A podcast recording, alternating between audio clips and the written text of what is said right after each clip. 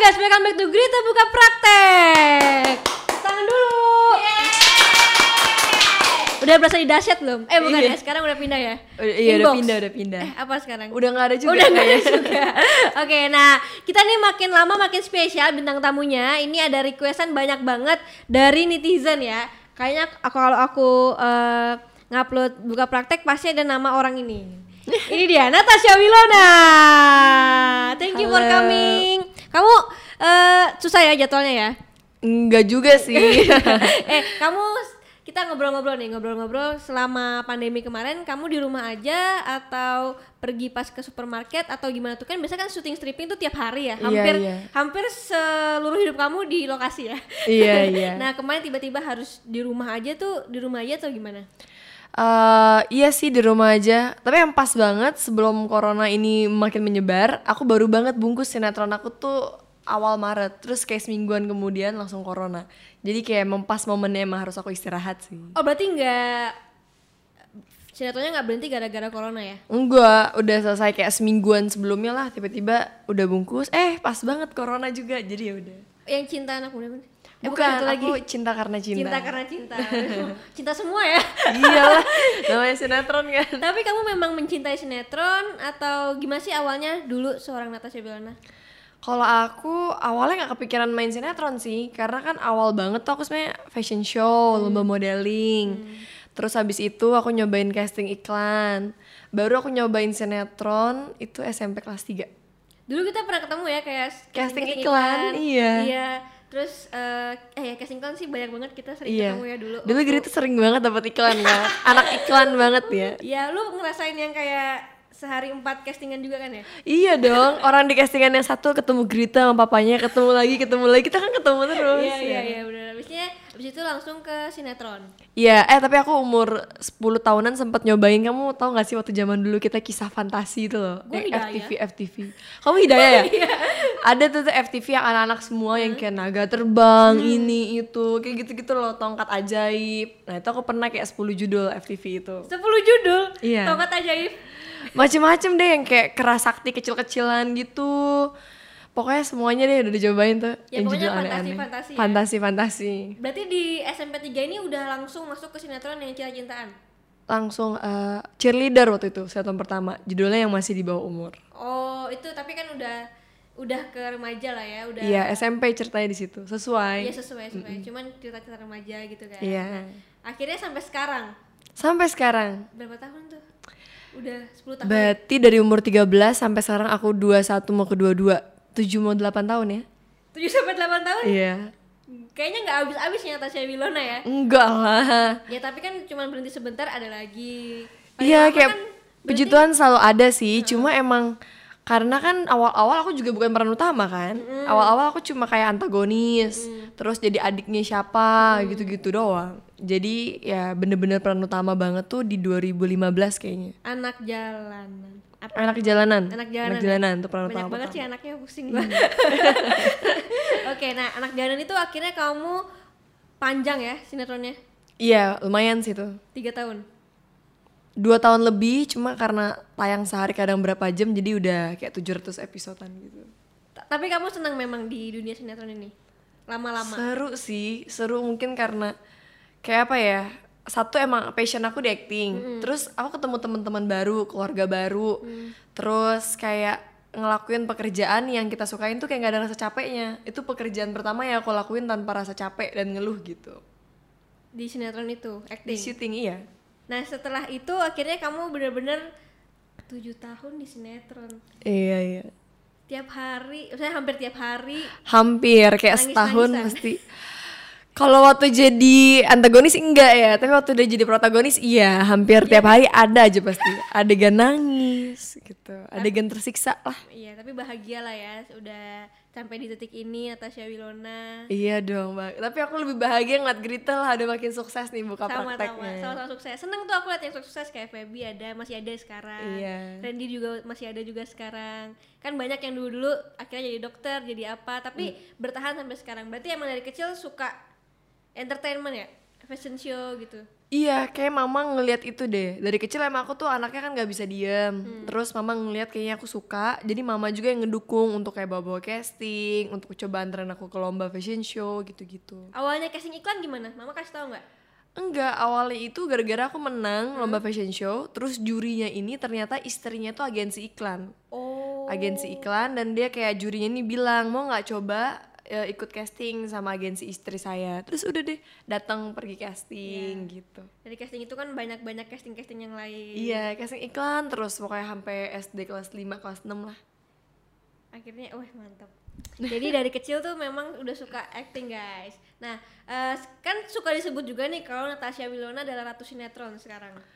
Enggak juga lah, banyak sih soalnya peran utama yang lain. Siapa? Banyak, ada siapa ya? Iris Bella, ada siapa ya? Megan Domani. Pemain-pemain di Sinemar juga. Enggak, kamu paling banyak lah. Kau- Kebetulan kelihatannya. Ya berarti kan berarti kan yang dilihat orang kamu. Iya ya, masa sih? Gitu ya? Tapi kamu ngerasa gak kamu ratu sinetron? Enggak lah. Karena kayak sekali tayang aja kan, eh, maksudnya PH tuh punya slot 4 judul kan. 4 judul kan ada empat-empatnya peran utama semua. Ada peran utama masing-masing. Jadi kalau lagi tayang empat-empatnya juga kayak bukan berarti kita satu-satunya yang ratu sinetron gitu kan. Iya, tapi yang paling panjang kamu. Amin. Paling panjang, amin. Tapi amin, pernah amin. seribu episode juga gak sih? Enggak sih, belum belum. Oh lu gak pernah seribu episode gitu? Belum, paling panjang kita anak jalanan 700 Oh. Itu juga rasanya syuting kayak udah Ya ampun ternyata gini rasanya dua tahun di lokasi ya gitu loh Iya, dua tahun di lokasi ya. Heeh. Kayak ke skip gitu gak sih? Kok tiba-tiba udah umur berapa gitu? Eh, Pokoknya aku ngera- ngerasain yang kayak wisuda Terus ngerasain eh, 17 tahunan Semua tuh di lokasi syuting Jadi kayak nggak ngeh waktu Uh udah 17 tahun Eh bentar lagi udah mau lulus gitu-gitu Homeschooling ya? Aku homeschooling Dari umur berapa? SMA Dari, oh dari SMA homeschooling. Kenapa akhirnya memilih homeschooling? Jadi waktu SMP kelas 3 itu pertama kali aku nyobain sinetron nggak gitu panjang sih, cuma 100 lebih lah, 100 episode lebih. Terus itu tuh aku ngerasain yang kayak syuting sambil stripping, tapi aku lagi mendekati UN. Aduh, itu kan banyak banget cobaan-cobaannya. Nah udah gitu, terus kayak aku ngelihat bahwa kalau waktu zaman dulu kan syuting masih pulang jam 3, jam setengah 4, jam 2 Sedangkan aku harus masuk sekolah lagi setengah 7 Aku takutnya malah badan aku yang gak kuat atau sakit Akhirnya mama kayak nyaranin juga ya udah kalau kamu pengen ya udah kita homeschooling Udah akhirnya pasti SMA aku homeschooling Homeschooling. Oke. Kuliah nggak? Belum belum kuliah. Enggak, emang belum Emang nggak mau? Em, bukan gak mau sih, cuma emang dari dulu aku tuh selalu kepikiran kalau aku nggak mau kuliah cuma karena gengsi gitu loh gitu. Jadi kayak aku nggak mau cuma demi dapetin gelar, tapi aku nggak tahu itu gunanya apa buat pekerjaan aku saat ini. Jadi kalau seandainya nanti aku misalnya udah selesai berkarir di entertain, aku pengen belajar bisnis, sekarang tuh udah banyak bukan cuma kuliah. Maksud aku ini supaya orang-orang di luar sana juga nggak terpaku bahwa harus kuliah. Kecuali ya kalau cowok beda ya. Kalau cowok kan ya at least seharusnya gitu. Kayak kamu bisa taking course atau kayak ikut seminar-seminar yang berbayar yang kita dapat ilmu juga sambil kita praktek di lapangan gitu. Short course juga mungkin. iya. Jadi menurut kamu cowok itu harus kuliah? kalau cowok kayaknya mungkin ya lebih baik kalau di zaman sekarang kan. Kalau kamu? Kalau kita cewek Bukan, kalau kamu sebagai cewek Uh-uh. lihat cowok dari ngelihatnya iya. eh, Apakah enggak calon- sih suami sebenarnya apakah pacar kamu nanti harus harus ber- bergelar? Gak tahu ya, gak kebayang loh calon suami. Soalnya pacar-pacar aku sebelumnya juga gak kuliah sih. Iya. Tapi kayak aku eh, yang gak mengharuskan mereka untuk kuliah juga. Cuma seandainya mereka mau kuliah ataupun ya pasti aku dukung gitu. Tapi belum kebayang lah calon suami. Oh, belum sama sekali belum kebayang calon belum suami lah, ya. kayak masih muda gak sih? Mas- masih muda. Emang Grita udah mikir mau nikah? Udah lah, gue udah Oh, iya. 24. Oh kamu ya udah umur Kamu dua-dua ya? Aku dua-dua masih Desember tapi. Nah, Natasha Wilona nih katanya pernah juga disandingkan dengan artis-artis luar sebagai 100 orang tercantik. Ya ampun, nggak tahu itu siapa yang sandingin. nggak tahu. Tapi lu tipe orang yang kalau pribadi nih ya, tipe orang yang insecure nggak sih? Enggak sih. Enggak. Aku nggak pernah insecure dengan sesuatu yang berbau fisik gitu. Eh, oh, sama sekali nggak. Enggak sih. Mantap. Enggak. Bukan gimana, cuma apa yang mau kita insecurein gitu kalau bagi aku ya. Karena ya inilah tubuh yang dikasih sama Tuhan, terus mau diapain lagi, mau dirubah gimana dan setiap orang punya kelebihan dan kekurangan masing-masing. Setiap orang tuh punya cantiknya masing-masing. Terus aku juga nggak pernah ngerasa diri aku cantik gitu loh jadi aku ngerasa kayak aku tuh biasa aja karena di luar sana masih banyak yang jauh lebih cantik dibandingkan aku gitu Ih mantap. jadi makanya mungkin aku pernah insecure kali ya aku ngerasa B aja gitu Oke berarti kalau gue sums up berarti Natasha Uliana memang punya bakat di entertainment ya. ah mudah-mudahan ya orang menilai seperti itu ya bagus Ke depannya memang mau menjadi seorang entertainer atau sekarang kan udah banyak bisnis juga ya ada Iya. Bio Kefir ya, bukan marshmallow Mars Mars Mars Willow. iya Terus ya itu Oh, itu itu yang lagi aku bener-bener fokusin sekarang oh itu lagi kamu lagi Iya. yang hands on tuh itu. Terus apa tadi? Mars Mars Willow. Marshmallow ya? marshmallow jadi dari marshmallow tapi nama aku kan Wilona jadi marshmallow Pas. gitu. Oh jadi eh, kamu juga udah kan tapi sebelumnya udah ada bisnis-bisnis lain kan? Cuma yang sebelumnya aku nggak lanjutin lagi sih karena ya mungkin satu dua hal juga pertimbangan. Tapi kalau yang bener-bener lagi aku fokusin tuh yang make up ini. Gitu. Oh make up. Mm-mm. Nanti aku kasih ya Nah, make iya, upnya. iya, asik. Berarti berarti oh make up ya ya ya ya ya. ya, ya. Berarti ini benar-benar kamu sendiri atau sama kakak atau sama siapa? Eh, enggak, emang aku kerjasama sama orang yang emang mereka udah ngerti juga di bidangnya. Mereka juga punya usaha kosmetik. Jadi partner aku ini kayak mereka itu jadi gimana ya? Jadi bos aku eh Papi Leo, Papi Senemart punya temen, punya anak. Oh. Nah, itu deh. Terus kita kerjasama. gitu. Oh oke oke oke. Berarti kan udah berapa lama nih Mars Willow? Sebenarnya sih kita tuh soft launching baru Agustus, kalau nggak salah Agustus atau awal September aku lupa deh. Tahun lalu. Iya tahun kemarin. Tadinya mau grand launching di Maret, tapi corona. Jadi ya sampai Oh. sekarang kita belum grand launching. Oh, oke oke oke. Kan berarti udah setahun nih. Apa sebelum-sebelumnya kan juga udah mungkin partneran sama orang. Kira-kira eh, kamu tipe orang yang suka berbisnis sambil entertaining atau entertainer aja? Eh, Suka nggak kamu? dua-duanya kayaknya deh. Soalnya kebetulan kan bisnisnya ini yang emang aku suka juga, yang emang diri aku banget gitu. Terus aku suka yang make up make up Korean look gitu-gitu kan. Jadi aku bikin seperti itu gitu. Iya muka lo emang Korea banget sih. Masa sih? Iya jadi pas banget sih memang. Kenapa pilih eh, make up sebagai bisnis? Karena emang suka banget itu pertama. Jadi aku tuh orang yang hobi banget beli make up make up. Pokoknya Padahal- banyak banget. Padahal make up kamu tuh nggak pernah yang minor gitu ya? nggak pernah tapi aku suka aja beli tapi aku pakai sih cuma aku suka beli terus aku suka aku tuh paling suka belanja ke mana pun aku liburan tuh make up terus udah gitu aku suka banget nontonin make up tutorial terus YouTube channel aku video pertama itu adalah make up jadi kayak emang aku suka make up dari dulu gitu. Kenapa YouTube channelnya nggak make up terus tiap minggu? karena dulu sebenarnya aku bikin tuh cuma iseng tau gak sih? Kayak aku iseng nih lagi pakai handuk habis keramas make up terus aku videoin gitu aku upload. Awalnya cuma kayak gitu.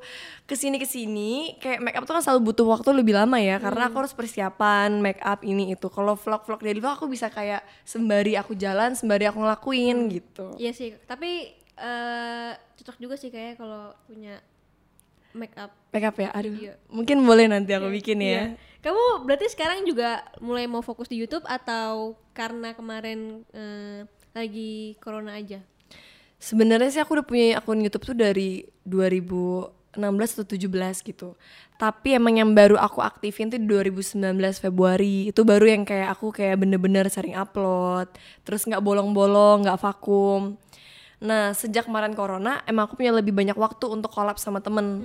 Kayak gitu sih. Cuma ya YouTube tuh kayak lebih ke investasi masa depan gak sih? Tuh.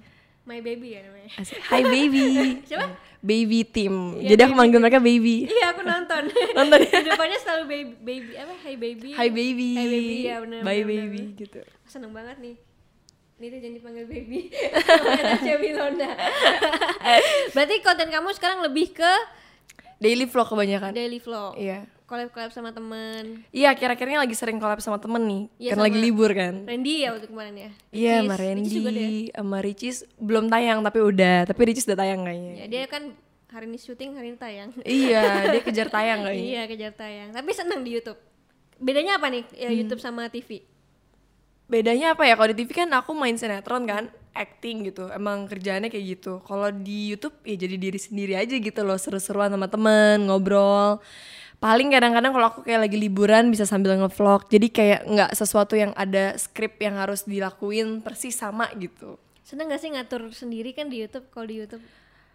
Eh, seneng tapi agak capek juga kadang-kadang ya Iya gak sih? Iya iya iya iya. Soalnya kan aku emang gak punya tim kreatif Jadi kreatifnya itu cuma aku dibantu sama mama sama kakakku Terus aku cuma punya tim baru dua kok Editor sekalian videographer Udah gitu aja Jadi kayak simpel tapi simpel aja aku pusing ya Aku gak kebayang kalau yang udah tayang setiap hari Oke. Nah, kalau kalau ngomongin soal keluarga kan kalau kita lihat di media sosial nih kamu kayak deket banget sama mama sama kakak.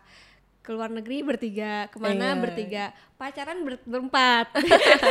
itu emang sedekat itu, Will. Emang deket dan kompak banget sih dari dulu Ya nggak tahu ya cuma Aku ngerasa momen-momen aku sama keluarga aku tuh gak akan diulang lagi gitu. Dan aku nggak pernah tahu usia orang tua aku kayak gimana. Dan aku juga nggak pernah tahu momen aku sama kakak aku bisa tetap tidur bareng berdua itu sampai kapan. Tetap bisa ngelakuin bareng-bareng tuh sampai kapan. Karena kan ada momen di mana nanti dia harus nikah aku udah harus nikah dan berpisah semuanya kan. Maksudnya punya keluarga masing-masing. Jadi emang dari dulu aku tuh fokus ke apa yang aku masih bisa nikmatin sekarang. Yang bisa aku lakuin sekarang aku pengen kayak gitu gitu. Oke, kalau dari sisi kamu, menurut kamu kakak kamu sama mama kamu tuh buat kamu tuh mereka tuh gimana sih? Oh, em, mama, kalau mama sih udah nggak bisa jelasin pakai kata-kata deh kayaknya ya, soalnya kayaknya kalau nggak ada dia pasti nggak ada aku. Tanpa dia pun juga aku mungkin tidak sesukses seperti sekarang. Jadi intinya mungkin mama itu udah segalanya lah, udah kayak temen, udah kayak partner kerja, ibu juga, terus Wonder Woman iya ya kayak apa aja bisa dilakuin sama mama. Kalau kakakku tipe yang kakak yang sangat suportif banget. Dia bener-bener mensupport aku dia banyak bantu aku. Waktu zaman aku masih sekolah sambil syuting dia yang kayak misalnya kan aku selalu minta tolong dia aku nggak mau ketinggalan pelajaran nih. Tolong dong ke kelas aku. Padahal kan dia kakak kelas kan ke kelas aku dong minjemin catatan sama temen aku fotokopiin terus balikin lagi dan dia mau lakuin itu. Jadi kayak eh, gimana ya? Beruntung deh gitu. Ya mama kan tiap hari juga nemenin kamu kan kalau Iya, syuting. bener. Nah kalau eh, makanya kan sebenarnya eh, menurut aku sih kompak banget sih karena kan banyak juga yang mungkin ada kecemburuan dari kakak Iya, yang lainnya iya. ya. Kalau kayak kalau kamu tuh kayaknya semua bersinergi aja gitu Iya sama-sama suportif. karena mungkin kakak tahu bahwa ini apa sih pekerjaan aku emang kayak gini keadaannya seperti ini ditambah mungkin kadang-kadang kan jiwa anak pertama atau yang lebih besar tuh mungkin ya kayak jiwa melindungi keluarga gitu kali ya kalau aku kan anak bungsu jadi kayak lebih banyak taunya aku fokus ngelakuin apa yang aku pengen lakuin gitu Berdua doang berarti ya sama kakak. iya berdua doang Nah sekarang kita masuk ke eh, segmen yang agak serem. asik Eh tapi kamu juga Hmm. akhir-akhir ini suka main film kan? iya kemarin lagi tayang cuma corona tiba-tiba Aku tahu kapan kamu mati ya kan? iya. Nah, itu kapan kamu mati? Horor ya? horor tapi ada komedi ada dramanya gitu deh. Jadi nggak pure horror and dark. Lebih suka sinetron atau film? beda-beda sih rasanya ya.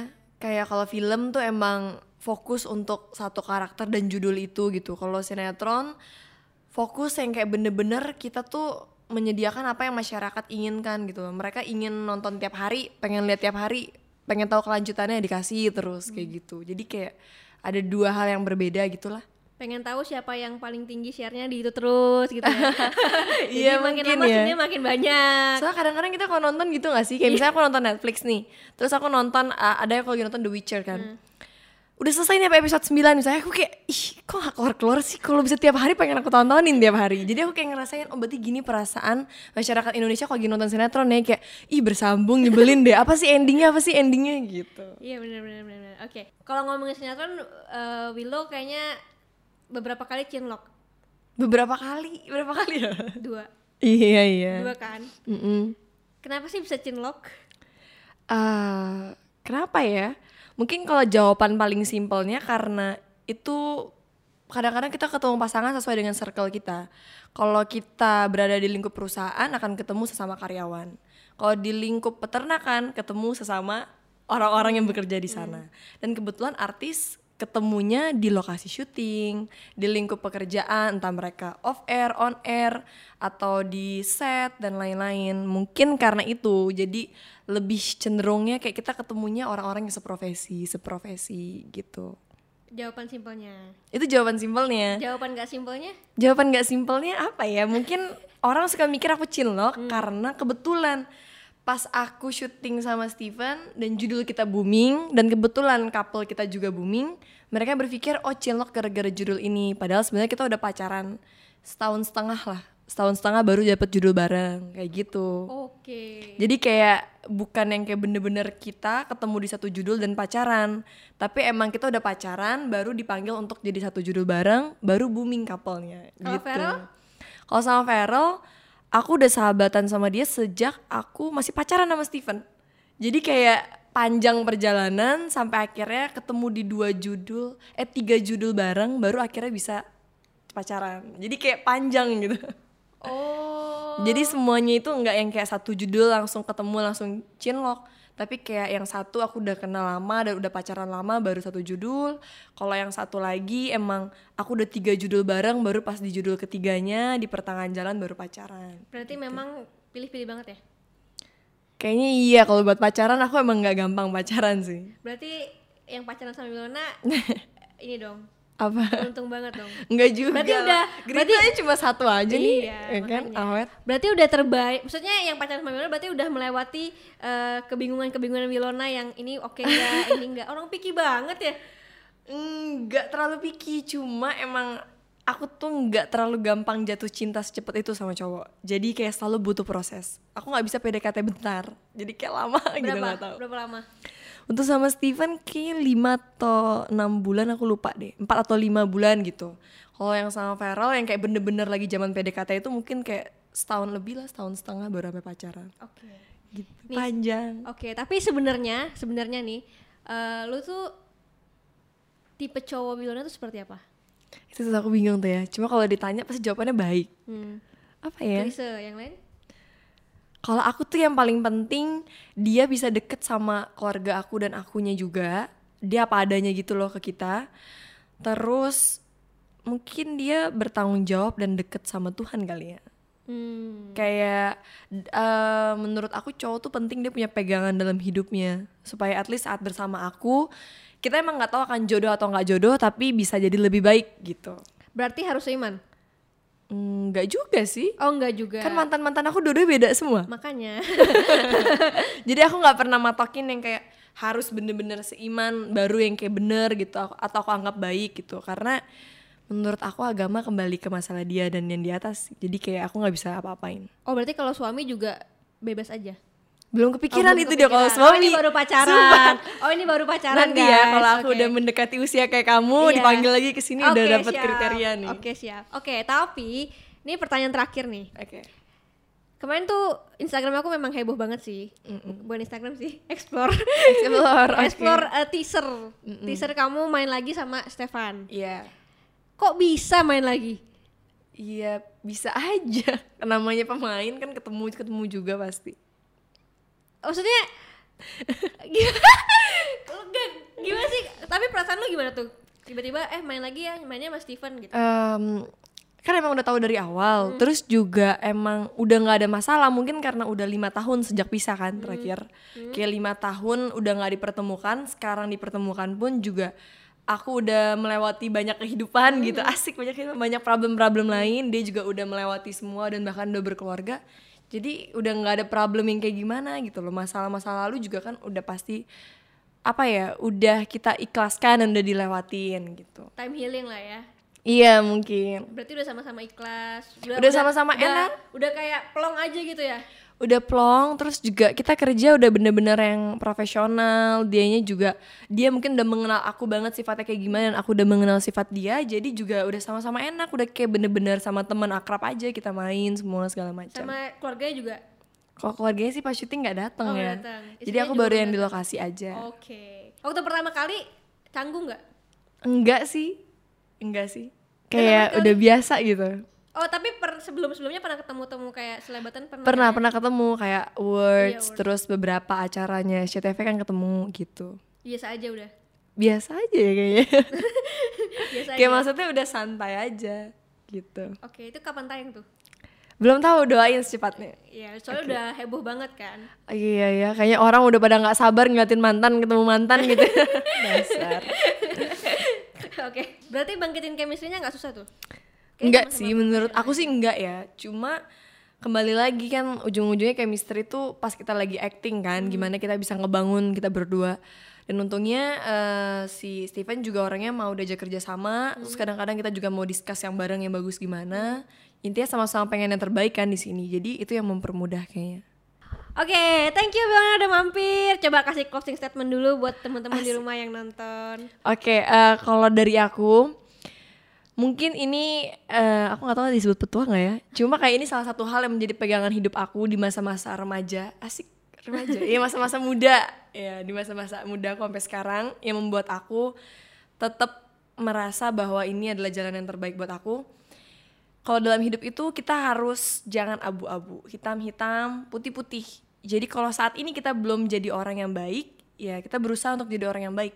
Tapi kalau saat ini kita udah menjadi orang yang baik, jangan nanggung, jangan sebentar baik, sebentar enggak, sebentar baik, sebentar enggak. Jadi hidup itu harus punya prinsip yang kayak gitu menurut aku ya.